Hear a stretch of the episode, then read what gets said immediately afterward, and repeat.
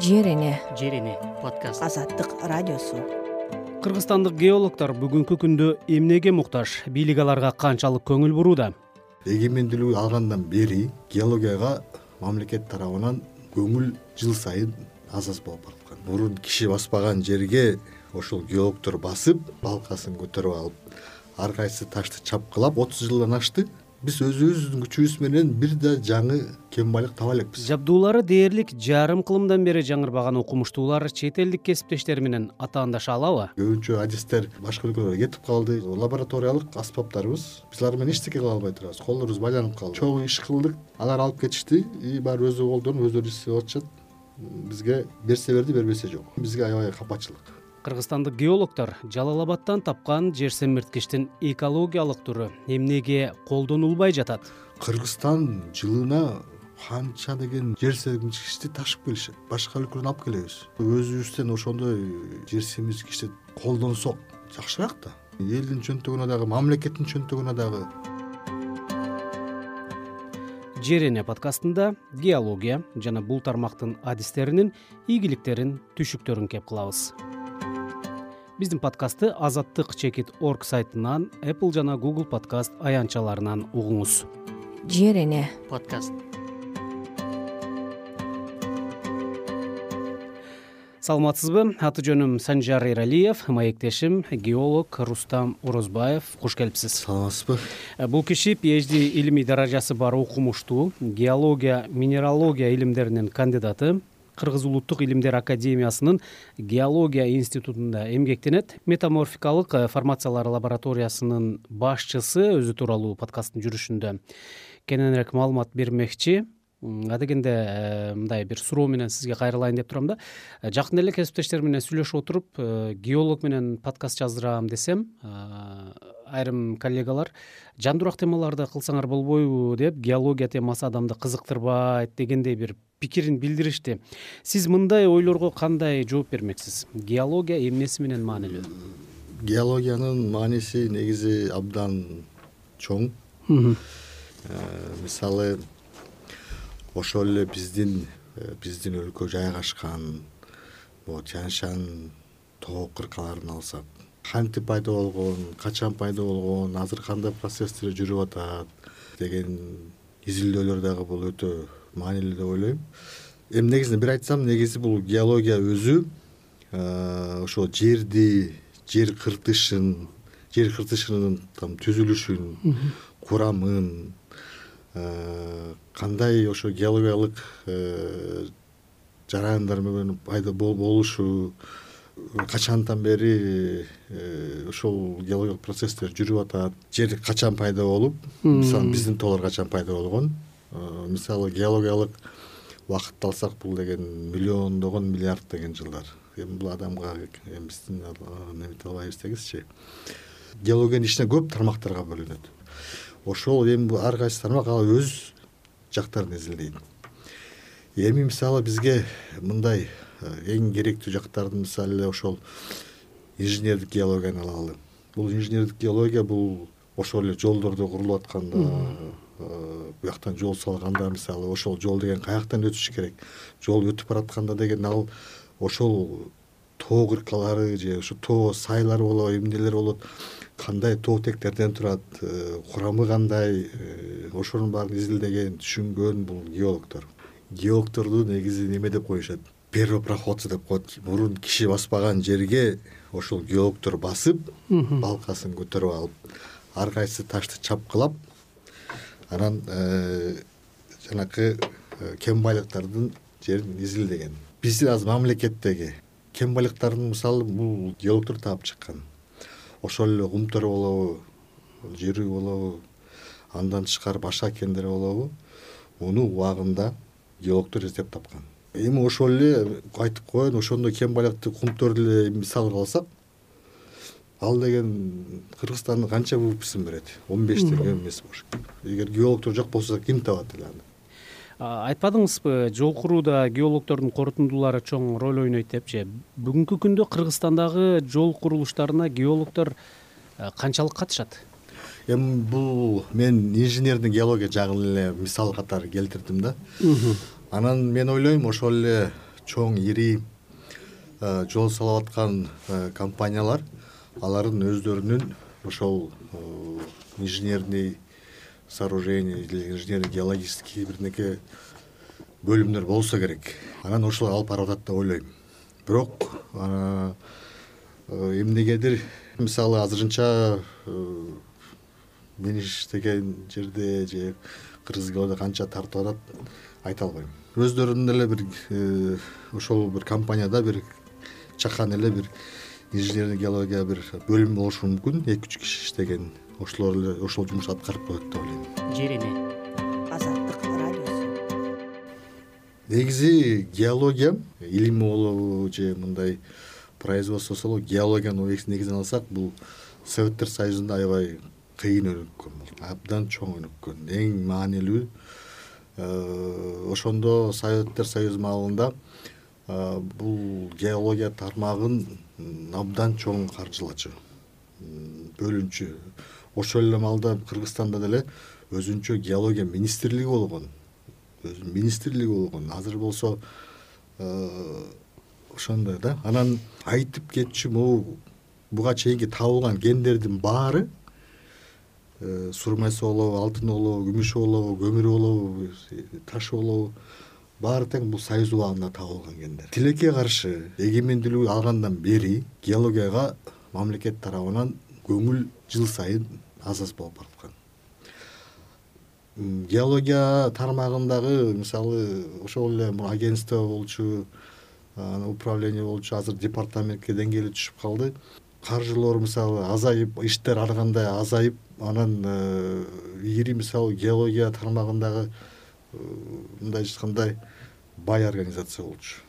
Тиги северо геологическая экспедиция ивановкадагысындай эмне чоң чоң ар кандай экспедициялар гидрогеологическая сууну изилдеген геофизическая геодезическая методическая деген э, партиялар экспедициялар көп болчу. Алардын өздөрүнүн жумуштарын аткарылчу бирок бара бара кээ бирөө жоюлуп кетти кээ бирөө эметип кетти жоголуп кетти геологдор азайып кетти көбүнчө адистер башка өлкөлөргө кетип калды. Же болбосо жанагы жеке менчик ишканаларга геология тармагында кичине акча төлөгөндө ошол жака кетип калышты. Кыргызстандын эгемендүүлүгүнө мына отуз жылдан ашты биз өзүбүздүн күчүбүз менен бир да жаңы кен байлык таба элекпиз. А бул кен байлык табыш деген бул абдан керектүү нерсе да. Мисалы деген мамлекеттин минеральный сырьевой базасын толтуруш үчүн геологдор иштеп туруш керек.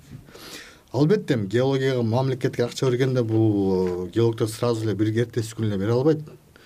Бирок алар бир берсе чоң берет. Эгер мисалы геологдор дагы кумторду таап койсо эмне болот анда? Ал кандай болот ал деле чоң салым болот да менин оюмча. Ага деле жылдар керек ага деген адам адамдын күчү керек э, убакыт керек ресурс керек баары керек каржылоо керек финансы керек баардыгы керек. Бул оңой эмес. Анан бул айтып аткан себеби деген мисалы деген ошол эле тетиги кумтөр э, мына уже дагы беш жыл он жыл иштеп береби жер үйүң деле ал деле бир он он беш жылга барып иштеп берет. Баары тең изилдеп атат казып атат казып атат артында болсо мамлекеттин тиги немеси бир нерсе базасы деп коет жаңы жаңы ачылган байыктар келбей атпайбы болгон тапкан нерсени союз маалындагы тапкан кен байыктарды азыр биз болушунча казып атабыз. Бирок ошол эле канча казып мындай алып атсак артынан жаңы байыктар табылып же эметилип кошулбай атат анан э, мисалы кийин дагы он он беш жылдан кийин баары тең казып түгөтүп койсок дагы казабыз эй анан геологдор кайда деп калышат бирок э, азыркы маалда мурункуга караганда кичине тиги министерство природных ресурсунун ичинде кыргыз геология деп бир жаңы ошол бир геологияга кичине көңүл бурабыз деппи кичине ошого бир э, кыргыз геология деп ачылды. Э, ичине ошо ар кайсы партиялардын баарын тең киргизди окшойт лабораториясын дагы баарын тең. Анан ошол эле тиги быйыл менин оюмча быйылкыга миллиард сом бөлүп беребиз деген бөлүп берди болуш керек. Ошол эле ушу геология тармагына ошону биз иштетип алып баралы деп. Кичине бир азыр бир неме жылыш болчудай болуп көрүнүп атат. Э, кыргызстандын азыркы шартында геологиялык изилдөөлөр кандай кыйынчылыктарга же тоскоолдуктарга кабылып жатканы тууралуу кененирээк эмнелерди айта аласыз? Акыркы жылдары көңүл бурула баштады каражат бөлүнүп жатат дегендей болдуңуз. Аны эмнелерге коротуу зарыл болуп турат? Менин оюмча эң биринчи кыйынчылык бир тоскоолдук деле болуп калабы бул адистер. Адистер эми мамлекет канча берет?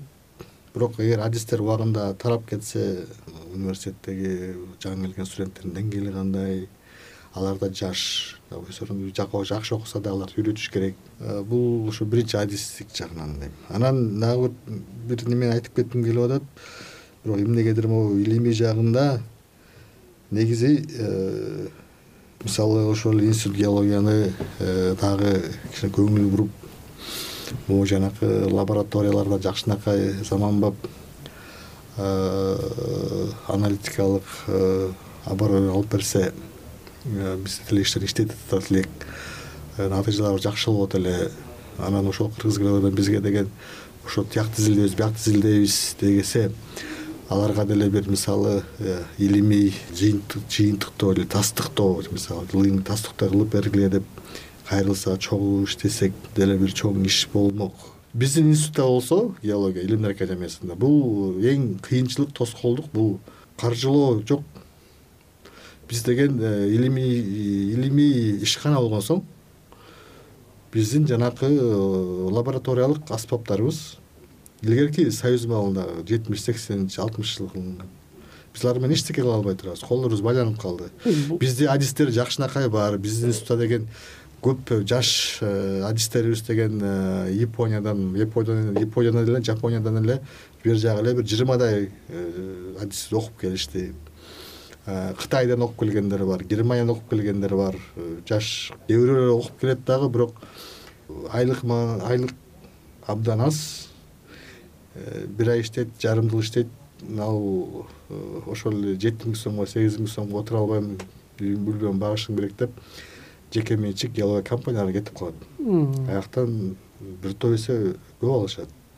Бирок ошентсе деле мисалы бизге деле эгер мамлекет мисалы ошо заманбап аспаптардан алып берсе э, биздин жаштарыбыз деле ошол жакта иштеп келишкен билет эле биринчиден ошондой мүмкүнчүлүктөр болсо биз деген э, биринчиден ошол эле э, жекече менчик компаниялардын анализдерин кылып ошол эле кыргыз геологиянын тиги илимий тастыктоолорун кылып берип өзүнчө заказ алып иштеп.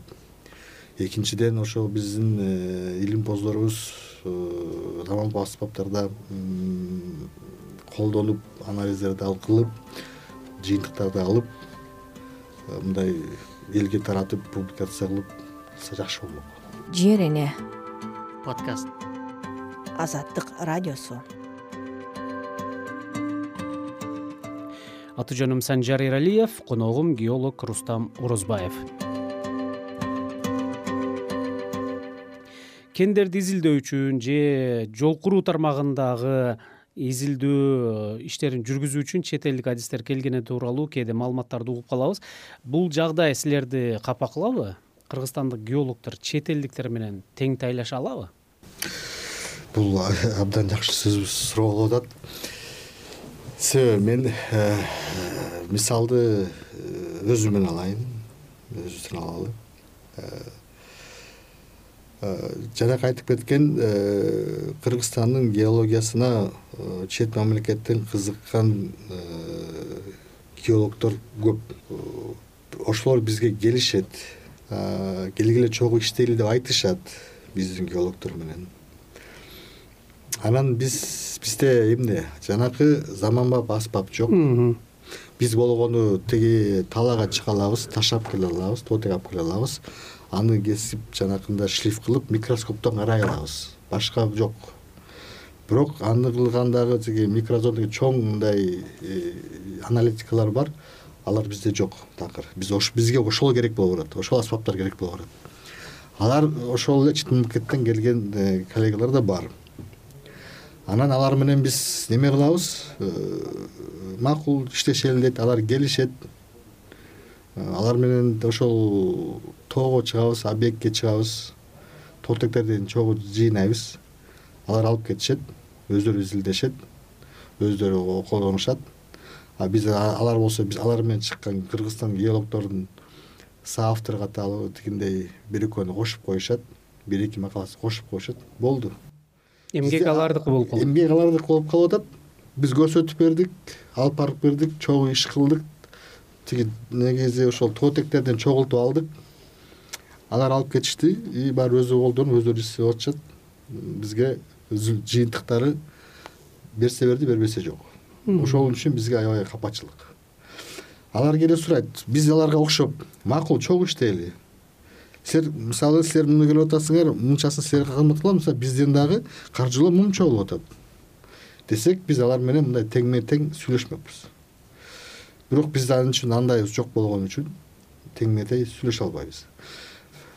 Бирок ар кандай ошондой жанакы проект долбоорлорду жазып кээде алар келип ошол кыскача кыска мөөнөткө каржылап кетишет.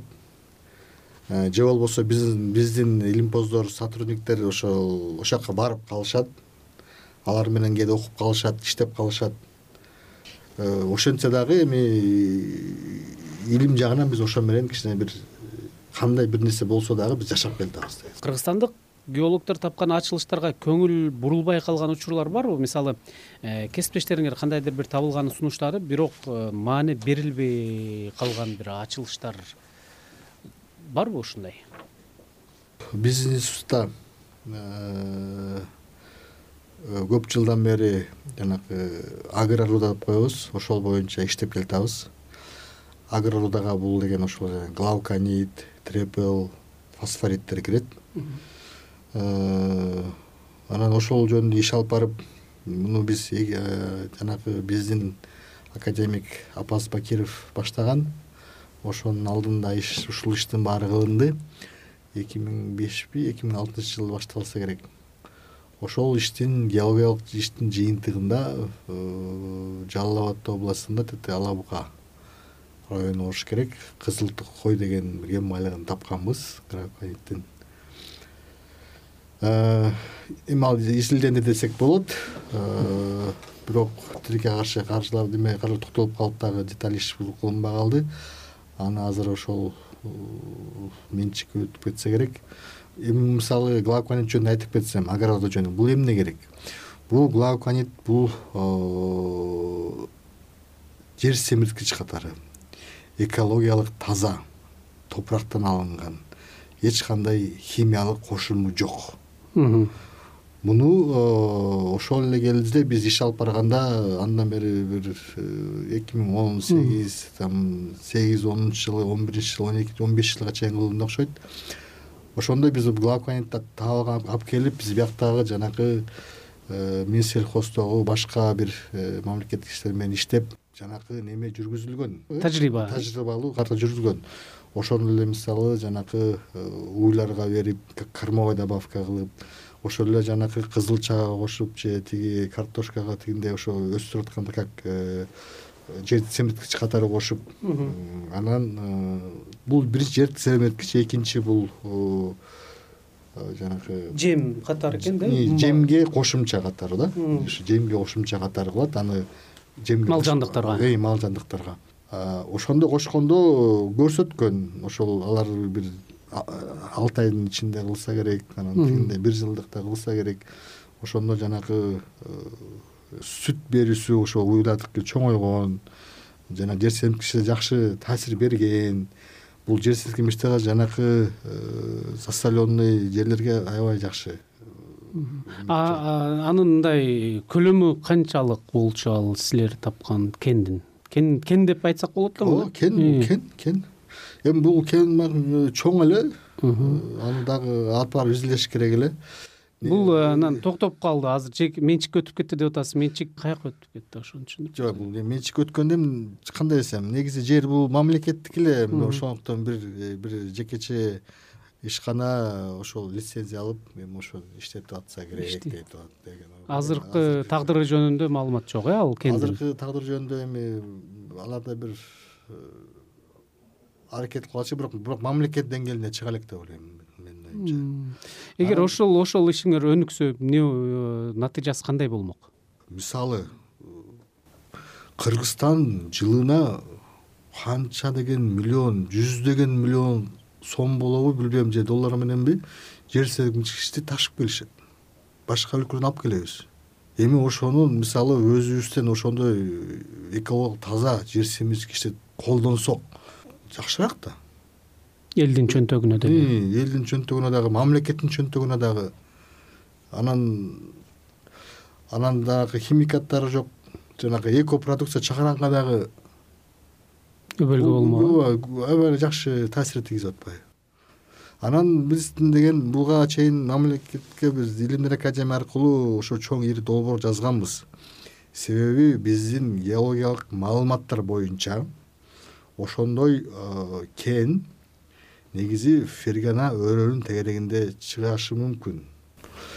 Биздин ой боюнча ошол эле жалал абад областынан тышкары баткен областына чыгышка аябай чоң мүмкүнчүлүк бар. Ош областында чоң мүмкүнчүлүк бар. Аны алдын ала ошо биз карталардан карап өзүбүздүн жанагы фондолук материалдарыбызды карап ошол жактан дагы биз э, негизи ушул ушул кен только түштүктөн гана чыгышы мүмкүн. Ошол үч областьтан чыгышы мүмкүн. Ошону биз изилдеп как геологдор катары таап берели дегенбиз мамлекетке анан биз таап берсек андан ары мамлекет өзү иштетип кетет эле. Сиз өзүңүз геолог катары кандай иштерди жасадыңыз же жасап жатасыз? Деги геология институту кандай ачылыштарды мындай жасады соңку жылдары? Өзүмдүн кесибим геологмун бирок мен айтып кеткендей жанагы э, бир тармактарга бөлүнөт. Биздин деле институтта тиги тектоника лабораториясы бар стратиграфиясы бар жана металлогения дегени бар э, тиги кен байлыктарды ушу рудообразование жагы бар э, инженерная геологиясы бар геокология дегени бар анан меники болсо жана метаморфизикалык формациялар лабораториясын азыр тиги жетектеп баратам. Көбүнчө жанагы метаморфизмге тектоникага тиешелүү ал эмне мындай жалпак тил менен угармандарга эмне кантип түшүндүрүп бере алабыз аны? Мисалы жерди мындай элестетсек жер деген ар кандай материк континент океандардан турат. Ошол материк континенттер жылат кошулушат эки континент түзүлүшсө ортосунда тоо пайда болот океандын астындагы э, жер кыртышы э, тиги континенттин астына чөгүп кетет ал чөккөндө аябай тиги жүз километрге чейин чөгүп кетиши мүмкүн. Ошондо чөккөндө ар кандай башка минералдар пайда болот кайра алар өйдө сыртка чыгып келишет. Менин изилдегеним ошол э, метаморфизм деп коет. Океандын катмары жер кыртышы океандын карасы менен ал деген жердин континенттин астына кетип бараткан жер. Ошону ошондо пайда болгон таштарды тоотектерди кыргыздын кыргызстандагы тянь шаньдын табылган ошол тоотектерди мен изилдейм. Кыргызстанда мен изилдеген жерлерден үчөө бар. Бул ат башы тоо кыркасында чолоктор э, формациясы деп коебуз. Экинчи болсо бул ак жүз экен да. Ак жүздөгү кем тиги кемин жакта. Үчүнчүсү болсо бул макбал талас областындагы манас районунда макбал деген макмал деген алыктыкы эмес бул. Макбал деген өзүнчө нерсе. Бул аябай уникалдуу жер негизи дүйнө жүзү боюнча негизи бул дагы жапонияга тиги магистратурага докторантурага барып окудум. Андан кийин дагы постдокторантура болдум. Иш кылдым киото университетинде. Баардыгы он бир жыл болуптур ошол бою ошол жылдар бою ошол японияда кыргызстандан алып кеткен тоотектеримди изилдеп аттым. Ошондо изилдеп изилдеген натыйжасында чыккан жыйынтыктарды мен макала катары э, жакында биз чоң бир китеп чыгардык монография чыгардык ошо үч боюнча дагы. И ар кандай конференцияларда ошондой жыйынтыктарды биз айтып аттык бул мындай илимий иш болуп калып атат. Анан э, бир нерсе жагын айтып кетиш керек. Бул бул институт геология илимдер академиясы болгон чоң бизде азырынча көбүнчө э, геологиянын жанагы э, фундаменталдуу жагынан болуп кетет да. Э, анан кээде ошол кээ биреулерге алар кызыксыз. Бул эми көп кээ бирөө түшүнбөйт. Бул кандай эмне кереги бар дегенсип бирок анын деле мааниси чоң. Мисалы ошол ар кайсы стратиграфия болобу метаморфизм болобу биз кыргызстандын ошол изилдеп кайсы кайгында болсо ошол процесстер менен жарандар менен геологиялык мисалы ушундай ошондой элүү жүз километрге болгондо дагы субдукция болсо кайра чыгып келсе ошол жерде же бир магматизм болуп өзүнчө комплекс болсо ошол жерде кандай кен байлыктар пайда болушу мүмкүн дегенге бизге биз бирден бир жыйынтык бере алат. Биз деген могул жерди изилдедик муякта момундай момундай тоотектер бар экен жаштары момундай экен момундай тектоникалык э, айтканда обстановкада пайда болуптур биз ошону таап чыктык изилдеп чыктык. Анда ошондо ошол жерде момундай момундай кендер болуп чыгышы мүмкүн деген э, немеге жыйынтыктарды биз ошо бере алабыз. Кыргызстандын аймагына мүнөздүү негизги геологиялык өзгөчөлүктөр кайсылар? Эң биринчи бул тянь шань тоо кыркалары теңир тоо деп коет. Негизи тянь шань тоолору эки миң километрден ашык э, биздин аймакты жалпысынан баардыгын камтыйт. Кытайга андан дагы бизден кичине көбүрөөк анан кичине өзбекстандан чыгат. Ушул тоолордо буга чейинки геологдор таап келген нерселери бул жанакы мисалы архейден баштап азыркы маалга чейин чыккан ар кандай геологиялык структуралар бар. Тоотектер бар. Э, себеби мисалы архей деп койгонум бул тетиги эки жарым миллиарддан ашык жылдан азыркы жакынкы э, кайнозой или там палеоген неоген деп коелу бул бир миллион жыл мурунга чейин камтыган баардык нерселерди бияктан биз таба алабыз. Союз убагында негизи э, бүт союздан бизге келчү студенттерди жиберчү ошону изилдеп келгиле кылып келгиле экскурсияга карап келгиле деп кыргызстандын тоо кен тармагы ар кандай талаш талкуунун нааразылыктардын да чордонунда болуп калбадыбы? Айрым аймактардагы кендерди иштетүүгө каршы жарандардын акцияларына күбө болуп жүрөбүз. Нааразы жарандар изилдөөлөргө эмес өндүрүшкө байланыштуу чыгып жүрүшөт. Анан сиз сыяктуу адистерге түз тиешеси жок болсо керек. Ошентсе да мындай маанай геологиялык изилдөөлөрдү өнүктүрүүгө тоскоол болбойбу? Бул жерде кичине экиге бөлүнүп кетет эң биринчи э, мындай түшүнүктүү болушу геологдор геология геологдор бул киши баспаган жерге барып барып ушу кен байлыкты каерде экенин канча экенин таап берет. Таап бергенден кийин геологдордун жумушу мындай кычкандай бүттү деп койсок болот. Андан кийин биз жанакы э, гарняктор деп коебуз. Гарняктор вот ошолор келип алар деген ошо кен байлыкты алып чыгат казыйт казып чыгат. Биз таап беребиз алар казып чыгат. Э, сиз айтып кеткен неме боюнча э, албетте ал кичине көйгөй болуп атат. Негизи ал эми э, биринчиден казып аткан иштетип аткан чет мамлекеттик болобу же биздин кыргызстандык болобу тиги ишкананынга ошо таасир тийгизсе керек. Ошол жергиликтүү адамдар калтырып аткан эми алар да түшүнүш керек мисалы алар деле жөндөн жөн деле чыкпашы мүмкүн же ар кандай эмнедир там көз караштар же мындай кызыкчылыктар болуп атабы аны дагы караштырыш керек.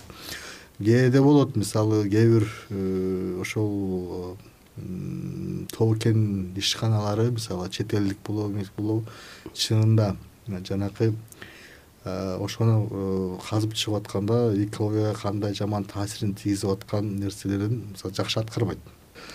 Бул бир жагынан экинчи жагынан дагы ойлош керек. Жанакы кээ бир жерлер бар. Мисалы э, кыргыз жагында дейт мамлекеттик коргоодо болгон жерлер эми аяктан кылганга болбойт го. Мисалы алар албаса анда көп нерсе бузулуп кетет чоң ал кайра ордуна келбейт. Ордуна кайтара албайт ошондо дагы ошол жагын ойлонуш керек.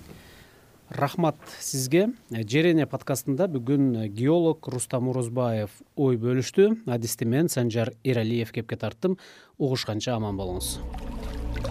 Жер эне жер эне интернет менен роботтун заманында аба булганып климат өзгөрүп жаткан маалда жашыл планетаны кантип сактап калабыз?